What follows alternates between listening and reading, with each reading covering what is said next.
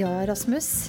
Eh, da kan vi ønske velkommen til Genopodden. Det er første eh, Genopod i 2023. Nytt år, gitt. Nytt år, da sier godt nytt, godt ja, nytt år. ny, nytt år, nye muligheter. Ja, eh, og vi i Geno raser jo selvfølgelig videre, vi. Så vi har fått med oss i studio Håvard Taje, som er leder for forskning og utvikling i Geno. Så det setter vi jo veldig stor pris på at han hadde tid til å komme helt til starten av eh, det helt nye blanke året. Ja, det er bra. Ja. Så vi eh, tenkte vi skulle høre litt vi Håvard, om, eh, om fremtid og avlsegenskaper og arbeidet med hvilke endringer som kommer inn. Ja, det er veldig, veldig aktuelt å starte nyåret med å, å reflektere over veien videre. Hvor skal vi gå hen? Så um, vi har jobba nå i 2022 med justering av årsmålet. Så um, det blir veldig spennende å implementere det. Og litt om bakgrunnen for den, hva som ligger bak den jobbinga. Det, det, har jo noe med konkurranse og markeder å gjøre, vil jeg tro. Ja, vi, vi får jo hele tida tilbakemeldinger både fra norsk marked og internasjonalt marked, og vi må prøve å tilpasse avlsmålet til de tilbakemeldingene. Så vi har en liten sånn ønskeliste når vi starter eh, arbeidet, og så er det å se hva er det vi er mulig å få til. Det er mange genetiske sammenhenger mellom egenskapene som gjør at det er ikke, det er ikke sikkert alle ønskene vi har på lista vår er mulig å få til, men Nei, sånn det er der vi starter. Sånn er det på julekvelden nå. Ja, helt riktig. men, men disse signalene som kommer fra internasjonalt i forhold til det norske markedet, er det er det i hovedsak ganske sammenfallende, eller er det spriker på noen områder som gjør at dette blir vanskelig? Eh, jeg føler at det er stor sammenheng. Det internasjonale markedet er litt todelt. Du har de med, med veldig ekstensive bruk, med lav kostnadsfokus, eller fokus på lave kostnader. Eh, der, og gjerne da typisk Irland. Du skal ha en kalving som gjør at laktasjonskurva følger vekstsesongen på sommeren. Da er konsentrert kalving superviktig. Og da er fruktbarhet eh, helt sentralt. Der har vi NRF-en en kjemperolle. Men de er ikke så opptatt av mjølkemengde, men de er opptatt av tørrstoff.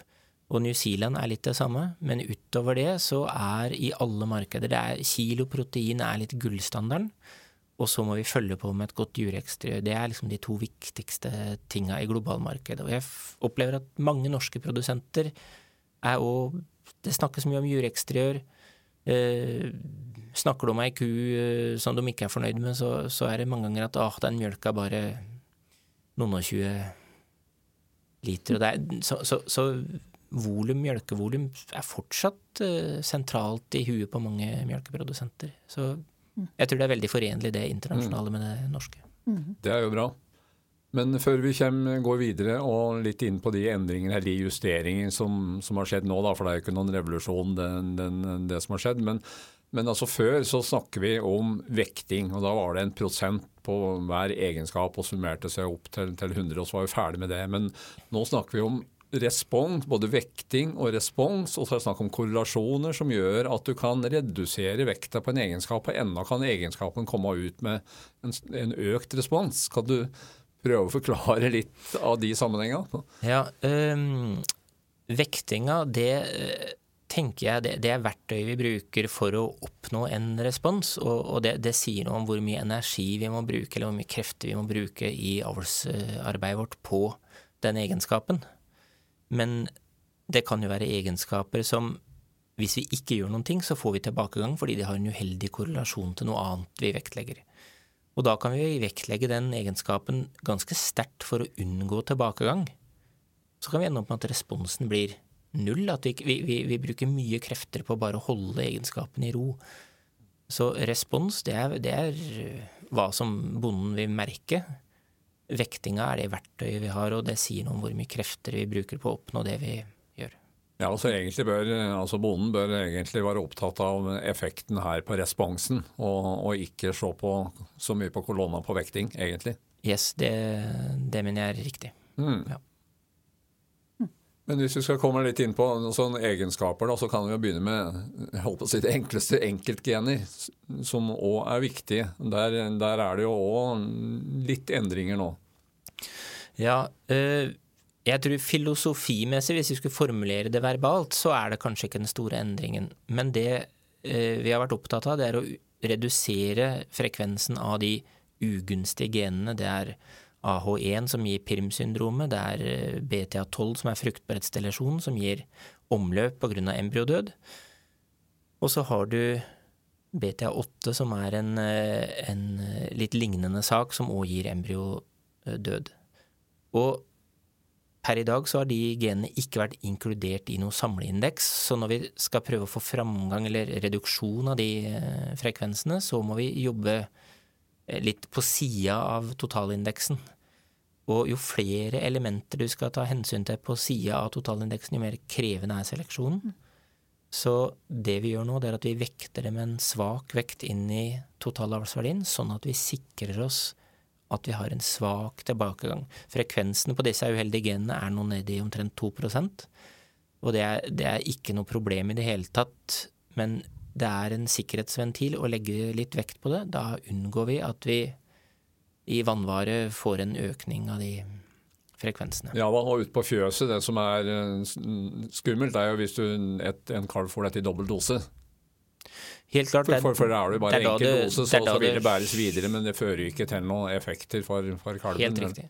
Og det, er derfor det vi må gjøre, er å overvåke frekvensen i populasjonen. For er frekvensen lav, så er det så usannsynlig at du får det i dobbel dose. 2 mm. da blir det 2% opphøyd i annen. er sjansen for å få det i dobbel dose. Og det, det, er eh, veldig, veldig lavt, og ingen bekymring. Mm. Vi har jo enkeltgener som er ønskelige, da. Kollet ja, er jo mange som er opptatt av. Vi har uh, inkludert kollagenetikken inn i avlsmålet for noen år siden, og jeg syns vi ser nå at det virker bra. Vi har hatt en jevn framgang over flere tiår, men han er ikke kjempebratt, den kurva. Jeg er litt utålmodig på at den må bli brattere, så jeg er fornøyd med det, det at vi har begynt å, å skyte litt fart. Men har, i det arbeidet her så har vi lagt på enda mer trykk på kollagenetikk. Vi ser økende fokus både i det norske markedet og internasjonalt. Mm. Det er dyrevelferd, det er eh, hvor mye drive det er i kalven. Han settes litt tilbake av den avhorninga. og um, Derfor så mener vi timing er riktig. Hele verden har fokus på dette. NRF er i en frontposisjon på kollagenetikk. Og det ønsker vi å fortsette å være, og da, da må vi trykke på litt mer. Men hvor, hvor trykke på noe mer, men kan du liksom si noe om hva hastigheten vil bli? Liksom hvor fort vil det gå nå etter den nye endringen? Ja, hvis, vi, hvis, vi, gir gass sånn som vi har tenkt her, så snakker vi om at vi eh, tredobler den framgangen vi har hatt i det siste. Men den, den, har vært litt moderat. Det tar tid. Jeg kommer til å bli pensjonist før vi har nådd de store høyder. ja. Så, så um, Ca. en tredobling er det vi sikter oss inn på i framgangen på den. Ser du for deg at disse her egenskapene, enkeltgener på mjølk, altså vil eh, altså Det er jo kasinvarianter både i forhold til helse og i forhold til osteegenskaper og sånne ting. At, at, det vil bli viktigere? Eller er det bare i enkeltmarkeder at det er eh, viktig, slik at det blir feil å vektlegge det for mye? på? Eh, vi skal være varsomme med å vekte det veldig sterkt, for det er ikke noe pengestrøm knytta til norske melkeprodusenter på det per i dag. Eh, det som kan komme i framtida, men dette, dette, må vi snakke med Tine om, men det er at man ser på kaseinfraksjonen av proteinet. Det kan være interessant. Men på enkeltgenene, for, for Tine sin del, eller meieriselskaper generelt, det vil jo gjelde kumeierier og alle som jobber med, med foredling av mjølk, så er det noen varianter som de er helt entydig enige om. E-kappakasin, E-varianten, den gir dårligere osteutbytte. Mm. Og, og, jeg har forstått utbytte generelt på en del foredling av produkter. Mm.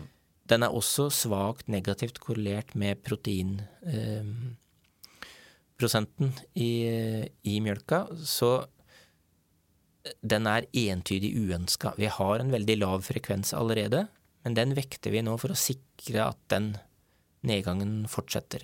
Så har du det samme proteinkategorien, men en annen variant som er veldig ønska. Det er B-varianten av kapakasin. Den er positiv for osteutbytte. Mm.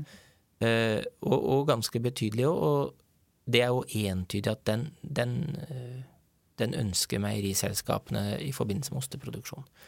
Så den, den, den italienske markedet også har vært veldig på, er ja. ikke det? Ja. Og den, den har vi hatt klart å øke litt frekvensen av. Vi, vi er eh, passert et sted sånn 10-15 i genfrekvens nå. Men vi har vært mye lavere, men det er en lang vei å gå. Og så er den vanskelig fordi den Da kommer vi inn på en tredje mm. uh, variant her. Eller, det er den, eller den andre proteintypen, som er betakasin. Mm. Der er det vært veldig mye fokus på A2-mjølk. Mm. Og så har det vært mye markedsrespons her som har vært dårlig dokumentert, så vi har vært veldig avventende og usikre. Men nå har det òg kommet vitenskapelig dokumentasjon på at A2 har fortrinn i forhold til eh, altså humanrespons fordøyelse av mjølk. At noen sliter jo litt med, med mjølk og intoleranse, men at hvis det er A2-mjølk, så er det problemet lavere. Og der har vi i utgangspunktet en veldig høy frekvens med A2 på, ja, i NRF. Der ligger vi på rundt 80 mm. Men utfordringa er at de to genene for kappa og beta-kasin mm, de sitter så tett på hverandre at uh, når vi da innen den klassiske NRF-populasjonen har veldig mange kombinasjoner av A1 som vi ikke ønsker, og den ønskelige B-varianten, mm. og A2 ofte er kobla til, til andre kappa-kasin-varianter, så har det vært litt vanskelig. Men nå har vi fått inn og, og, oppformert de få som har begge deler, og da løsner det litt uh, mer. Men dette skal per i dag ikke få en stor betydning i det norske avlsarbeidet, men at vi tar det inn i indeksen er nytt. Mm. Jeg vil eh, også stille spørsmål. Hva, har du en opplevelse av at vi har eh, veldig avlsinteresserte eh, produsenter og kunder eh, til Geno? Det varierer jo selvfølgelig, men er, vi har jo alt fra de som, som senker skuldrene litt og, og, tenker dette fikser Geno, eh, til de som er sjukt interessert i det og, og, og leser oksekatalogene på eh, sengekanten og og følge godt med, stor kunnskap, er på, stiller gode, kritiske spørsmål til oss og utfordrer oss en del. Og det, eh, sånne produsenter er jo veldig verdifulle. Så det, er mange norske produsenter som har veldig høyt kunnskapsnivå og er veldig engasjert. Og jeg har nemlig snakka med en av de. Um, Jon Einar Hulleberg. Han eh, holder til i Nesbyen. Um, og hadde en eh, fin uh, liten prat med han. Og han hadde noen, noen, spørsmål til deg, Håvard, så vi kan ta og høre litt hva han har å si.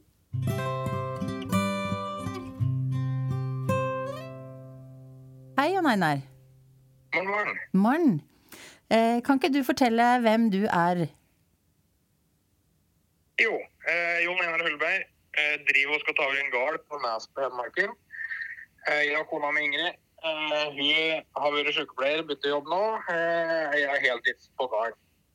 Vi driver en gard her på ca. 600 mål. Der vi har 320 mål med kønn og 120 med gras og 160 med potet. Sånn røftlig. Ja. Eh, så har vi litt over 500 tonn i melkekvote og ligger på omtrent 81 årskur. Eh, får opp alt av okser eh, sjøl. Og ja Ganske tradisjonell drift, for så vidt.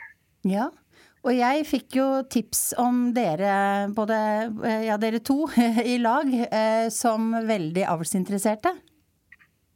Vil du fortelle litt om ja. interessen for, for avl og storfe?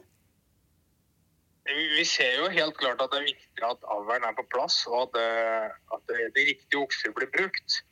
Eh, jeg har aldri vært sånn som uh, har ligget og lest i oksekatalogen på senga og skrev avlsplan før jeg kunne skrive. Men jeg har alltid syntes det har vært interessant å sette over oksa og sette hva de er gode på, og ikke minst at du faktisk ser at i utslag da, neste generasjon er hakket bedre. Mm. Eh, det syns jeg er interessant. Og prøve det som kommer av ny teknologi nå, da. Vi mm, har prøvd både litt Redex og Bifi, og har krysset inn kjøttfe. Har vi gjort det i flere år. I noe mindre grad. Men uh, vi ser at det blir mer og mer av det nå. Ja, hva tenker du om, om fremtida sånn på, på avl? Altså, har du hva, har hva, hva syns du at det har vært, eh, vært de positive linjene inn i avlsarbeidet? Det er helt klart det, det som NRF-en eh, leder på, fruktbarhet og helse. Lite dårlige kuer. Eh, vi syns vi eh, har ganske bra fruktbarhet, for så vidt. Så syns jeg vi har hatt fokus på bein her i besetninga. Da. Eh, og da syns jeg har blitt en god del bedre. Eh, nå har vi dreid det litt mer over mot jur. Vi har jo alltid hatt fokus på jur. men vi ser at det blir viktigere og viktigere, og det er kanskje her den største utfordringa at GMO ligger. Mm. Eh, vi er nødt til å få til skikkelig robotjur.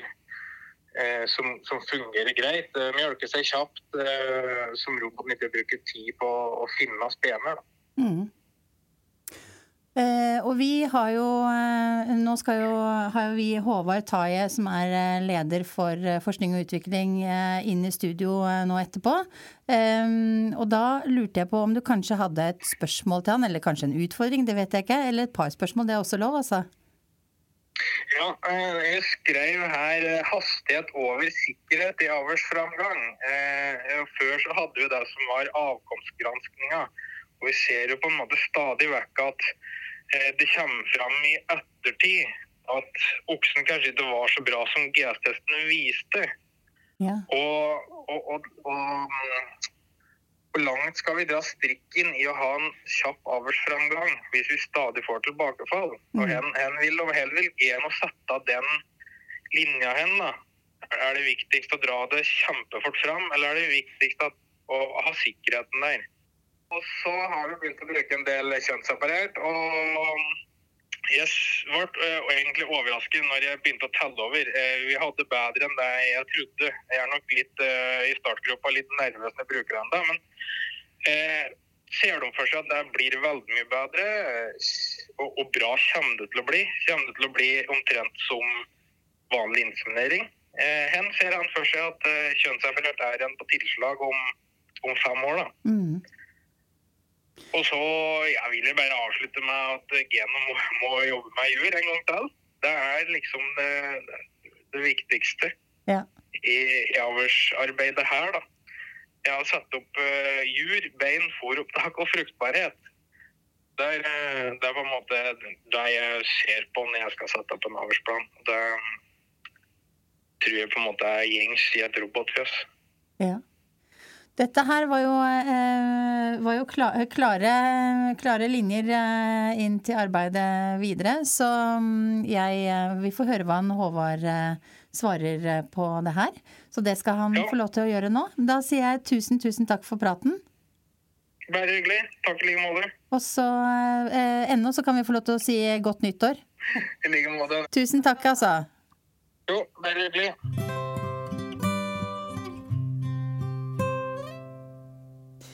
Ja, eh, Håvard, der eh, hørte du litt fra Jon Einar eh, og litt betraktninger han har. Det spørsmålet når det gjelder hastighet og sikkerhet, hva vil vi ja, si her? Jeg, jeg skjønner godt spørsmålet. Jeg er ikke urolig for om vi har enkeltokser som, som detter noe indeks. Det er også okser som kommer litt bedre ut enn vi forventa. Det er tatt høyde for når vi regner på og, og se prognosen på avlsframgang, så tar vi høyde for lavere sikkerhet enn vi hadde før. Så til tross for lavere sikkerhet, tross for at det er noen okser som detter litt gjennom, så vil framgangen bli større. Og det betyr bedre kuer i framtida for de norske melkeprodusentene enn vi ellers ville hatt. Og da gir svaret i huet mitt seg litt sjøl at jeg vil heller kjøre med litt risiko, men sikre i snitt best mulig kvalitet i framtida.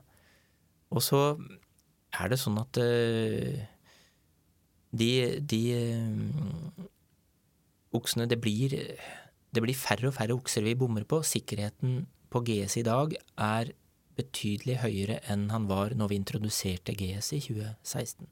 Mm. Og når det gjelder framtidas NRF-ku, så er jo ett spørsmål er jo liksom hvor stor skal kua være? For det har jo hatt en utvikling der, gjennom avlen der, der kua har blitt større. Men, men, nå ønsker en å sette på litt bremser på den utviklinga. Ja, og det er det helt nye Mange ting er, er justeringer, men det er helt nytt nå at vi tar tak i levendevekta, voksenvekta, på NRF-kua. Og vi ser både avlsmessig, genetisk trend, og fenotypisk så har NRF-kua blitt veldig mye større i løpet av 20 år. Uh, og i starten, går litt tilbake, så er det kanskje ikke så stort problem. Uh, når jeg begynte i Geno, hørte jeg en del tilbakemeldinger om NRF-kuer som var i lågeste laget for roboter, og, og, det var litt plundrete. Og da er det ikke noe ulempe at vi får litt mer krysshøyde, og at vi, vi, vi øker eh, litt på størrelsen. Eh, nå er fokuset på det mindre, kua har blitt større, og vi veit at det er en sterk negativ sammenheng mellom kroppsstørrelsen og vedlikeholdsbehovet foringsmessig. Og i forhold til størrelse så er det noen andre elementer. Vi ser at alle størrelsesparametrene henger sammen. Så når kua er stor, så følger en del andre ting med, men også da beinpipa og grovheten på beinpipa. Og vi får noen sånne eksempler ute når vi er og ser mm, dyr. Svære dyr med grove beinpiper, og tilhørende mange ganger òg hasekvalitetsproblemer, utposninger, mm. mm. og i verste fall sår på hasene. Mm. Så, så, veldig svære, tunge mm, produksjonsdyr, det, det, er ikke effektivt, og det er heller ikke Det vil ikke være økonomisk? Det, nei det beste for dyra sjøl, tror jeg. Så, Men så har det noen følger. Når en eh, da bremser litt på kroppsstørrelsen, så var du inne på at det er en del sammenhenger ja. ute og går her. Det er både positive og negative konsekvenser av det. Men vi ser at jureksteriør eh, Det er veldig tendens til at de store dyra de scorer høyere på jureksteriør. En del av det kan du logisk forklare, f.eks. For jurdybden. Er beinpipene litt lenger, så er det lettere å få plass til et godt jur på øversida av hasene. Mens andre ting igjen kan være litt mer sånn subjektivt dras i retning at det gir et inntrykk av å være eh, bedre jur, eh, uten at nødvendigvis trenger å være helt rett. At vi får litt feil. Mm. En sånn subjektiv eh, dragning i retning å overvurdere litt på dem. Eh, uten at jeg skal Jeg har veldig respekt for voldsrådgiverne, de gjør en kjempebra jobb. Men eh, eh, det, i hvert fall så drar Jureksteriør i seg sjøl, og særlig jurdybde, det drar litt i retning av størrelse. Og Da må det tas noen grep for å ja. kompensere for det? Ja. Så trinn én var å se hvor mye vekt må vi legge på levende vekta for å, for å bare holde den rolig, så den stabiliseres.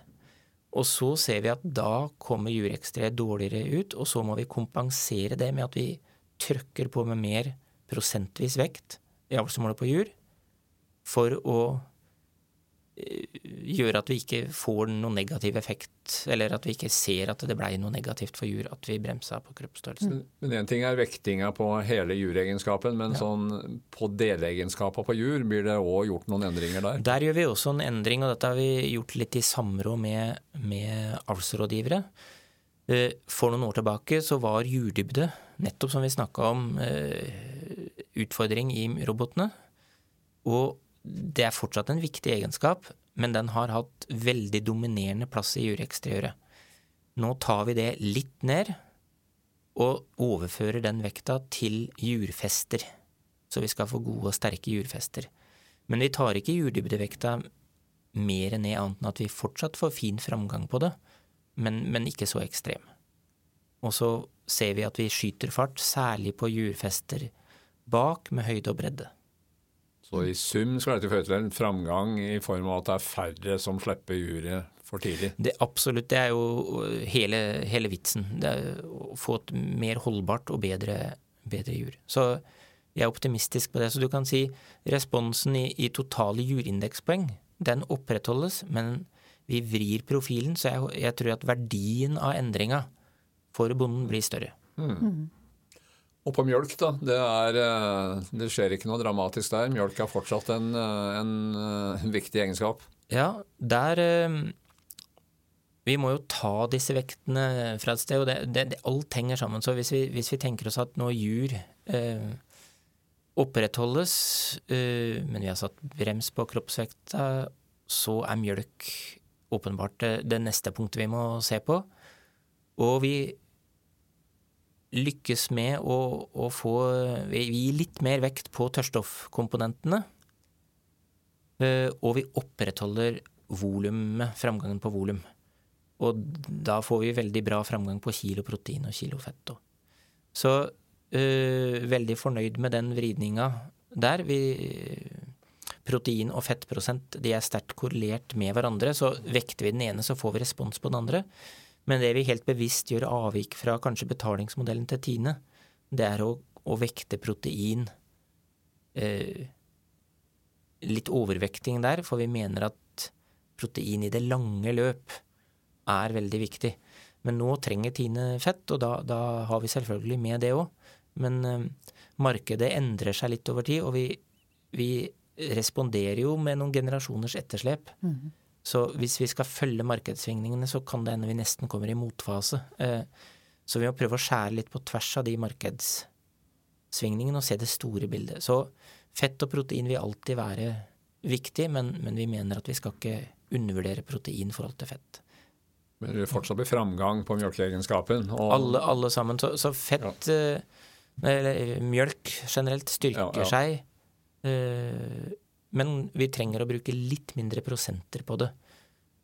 Men da er noen er jo bekymret da for at kjøttet på en måte blir litt skadelidende, og liksom kom, kombikua går en dyster framtid i møte, så vet ikke om kan av, av, avlyse den den utviklinga. På en måte at det er ikke snakk om noe dramatisk endring, sjøl om det tas litt, litt, ned på kjøtt. Ja, jeg tror det er viktig å, å poengtere det at uh, vi, må, vi, må, dempe noen ting. Vi, vi, får ikke til alt på en gang. Men eh, NRF-kua, den, den, er kjøttsatt i forhold til Holstein Jersey, og det vil den fortsette å være. Det er, og det er bra tilvekst, er, så kjøttegenskapene er bra på den relativt til de to andre største mjølkerasene. Eh, men vi ser jo en endring teknologisk med mer og mer bruk av kjønnsseparering. Mer og mer produsenter bruker kjøttfe på en del av besetningen. Og det forstår vi godt, det er, det er en klok økonomisk beslutning. Så kjøttproduksjonen totalt fra produsenten vil heller styrke seg enn svekke seg. Mm. Men i avlsarbeidet så reduserer vi litt trykket, jeg har ikke endra de absolutte vektene, men av at vi styrker noe annet relativt sett, så, så blir kjøttet litt dempa. Og da går vi på tilvekst, så demper vi framgangen litt, fett likedan, så det blir veldig moderat endring. Og på kjøttfylde så går vi fra svakt eh, negativt til enda litt mer negativt, men det er fortsatt svakt eh, Fortegnet er negativt, men størrelsen er veldig liten. Så det er ikke noe dramatikk i det. Det vil ta mange år før det liksom slår ut en delklasse mm. på, på mm, klassifiseringa. Hvis du veldig kort skulle på en måte oppsummere det som ble på en måte det endelige vedtaket når det gjaldt en justering av, uh, av i, i NRF-haveren. Vi har jo vært inne på noen av det momentene her, men kan du liksom si litt om hva du tror vil bli det viktigste for uh, produsenten? Ja, jeg tror det viktigste er at vi, vi stopper utviklinga at NRF blir større og større. Vi opprettholder totalt sett trykket på jureksteriør, men styrker jurfestene og vrir profilen litt. På mjølk så opprettholder vi volumet, men styrker tørrstoffprosenten. På bein så trykker vi på med litt bedre hasevinkler Øh, sett bakfra og fra sida. Um, vi innfører enkeltgen og vektsvak vekting av dem inn i avlsmålet, sånn at vi indeksen fanger opp helheten. Det er vel de grøvste endringene. Ja, Det er jo tida for, for nyttårsønsker, og, og har avlssjefen noe ønske det, for det året vi akkurat har kommet inn i når det gjelder NRF-avlen? Ja, eh, det er jo mange ting en, en ønsker seg, men hvis en skal snevre det ned til, til én ting som kanskje er eh, av de viktigste, så er jo det prosjektet vi har på fòreffektivitet veldig spennende. Vi har kommet godt i gang. Det jobbes godt. Vi har entusiastiske melkeprodusenter med på laget. God prosjektledelse. Så jeg har veldig forventninger til at 2023 vil gi noen svar på, på, og kunnskap om biologien rundt fòropptak, fòreffektivitet. Hva er sammenhengene med hva slags typer dyr har hva slags fòropptakskapasitet, effektivitet? Så rett og slett begynne å, å, høste kunnskap av det som har vært gjort nå siste halvannet året på fòreffektivitet, det mm, ser jeg veldig fram til. Det blir veldig spennende. Og da kan det bli flere justeringer i avlsmålet etter hvert som vi får mer kunnskap om nye sammenhenger. Det er åpenbart, og avlsmålet det, det, er ikke en statisk sak. Det må hele tida småjusteres. Det er når du sitter og kjører bil. Du, du kan ikke liksom låse forhjula i en posisjon. Du sitter og tilpasser styringa etter åssen veien går framover, og, og, sånn må vi gjøre avlsmålsmessig òg. Småjustere. Og når vi får ny kunnskap, helt nye ting, mm. så kan jo det gjøre store endringer. Uh, men det vil alltid være at hovedfokuset hovedfokus må være å sette melkeprodusentens økonomi i sentrum. Hva er aller viktigst? Og starte derfra. Det tror jeg var en fin uh, avslutning på en, uh, en fin pod. Tusen, tusen takk, Håvard. Um, det, vi setter pris på at du tok tida innom podkaststudioet vårt. Jeg heter Oda Christensen, og med meg så har jeg hatt med meg Rasmus Langeri og Håvard Taie. Um, vi eh, er å finne selvfølgelig på alle steder du kan finne podkast, uh, og også inne på geno.no.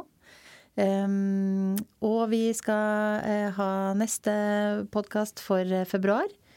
Da får vi se hva vi finner på, eh, Rasmus. Ja, det temaet er vel ikke helt klart ennå, så det får jo bli en liten overraskelse. Ja, ja. Men at det kommer nå, det gjør det. Det gjør det. Og vi tar veldig gjerne imot eh, gode tips fra dere også hvis dere har eh, noen ønsker på tema, eller noen dere syns at vi skulle tatt en prat med her i studio.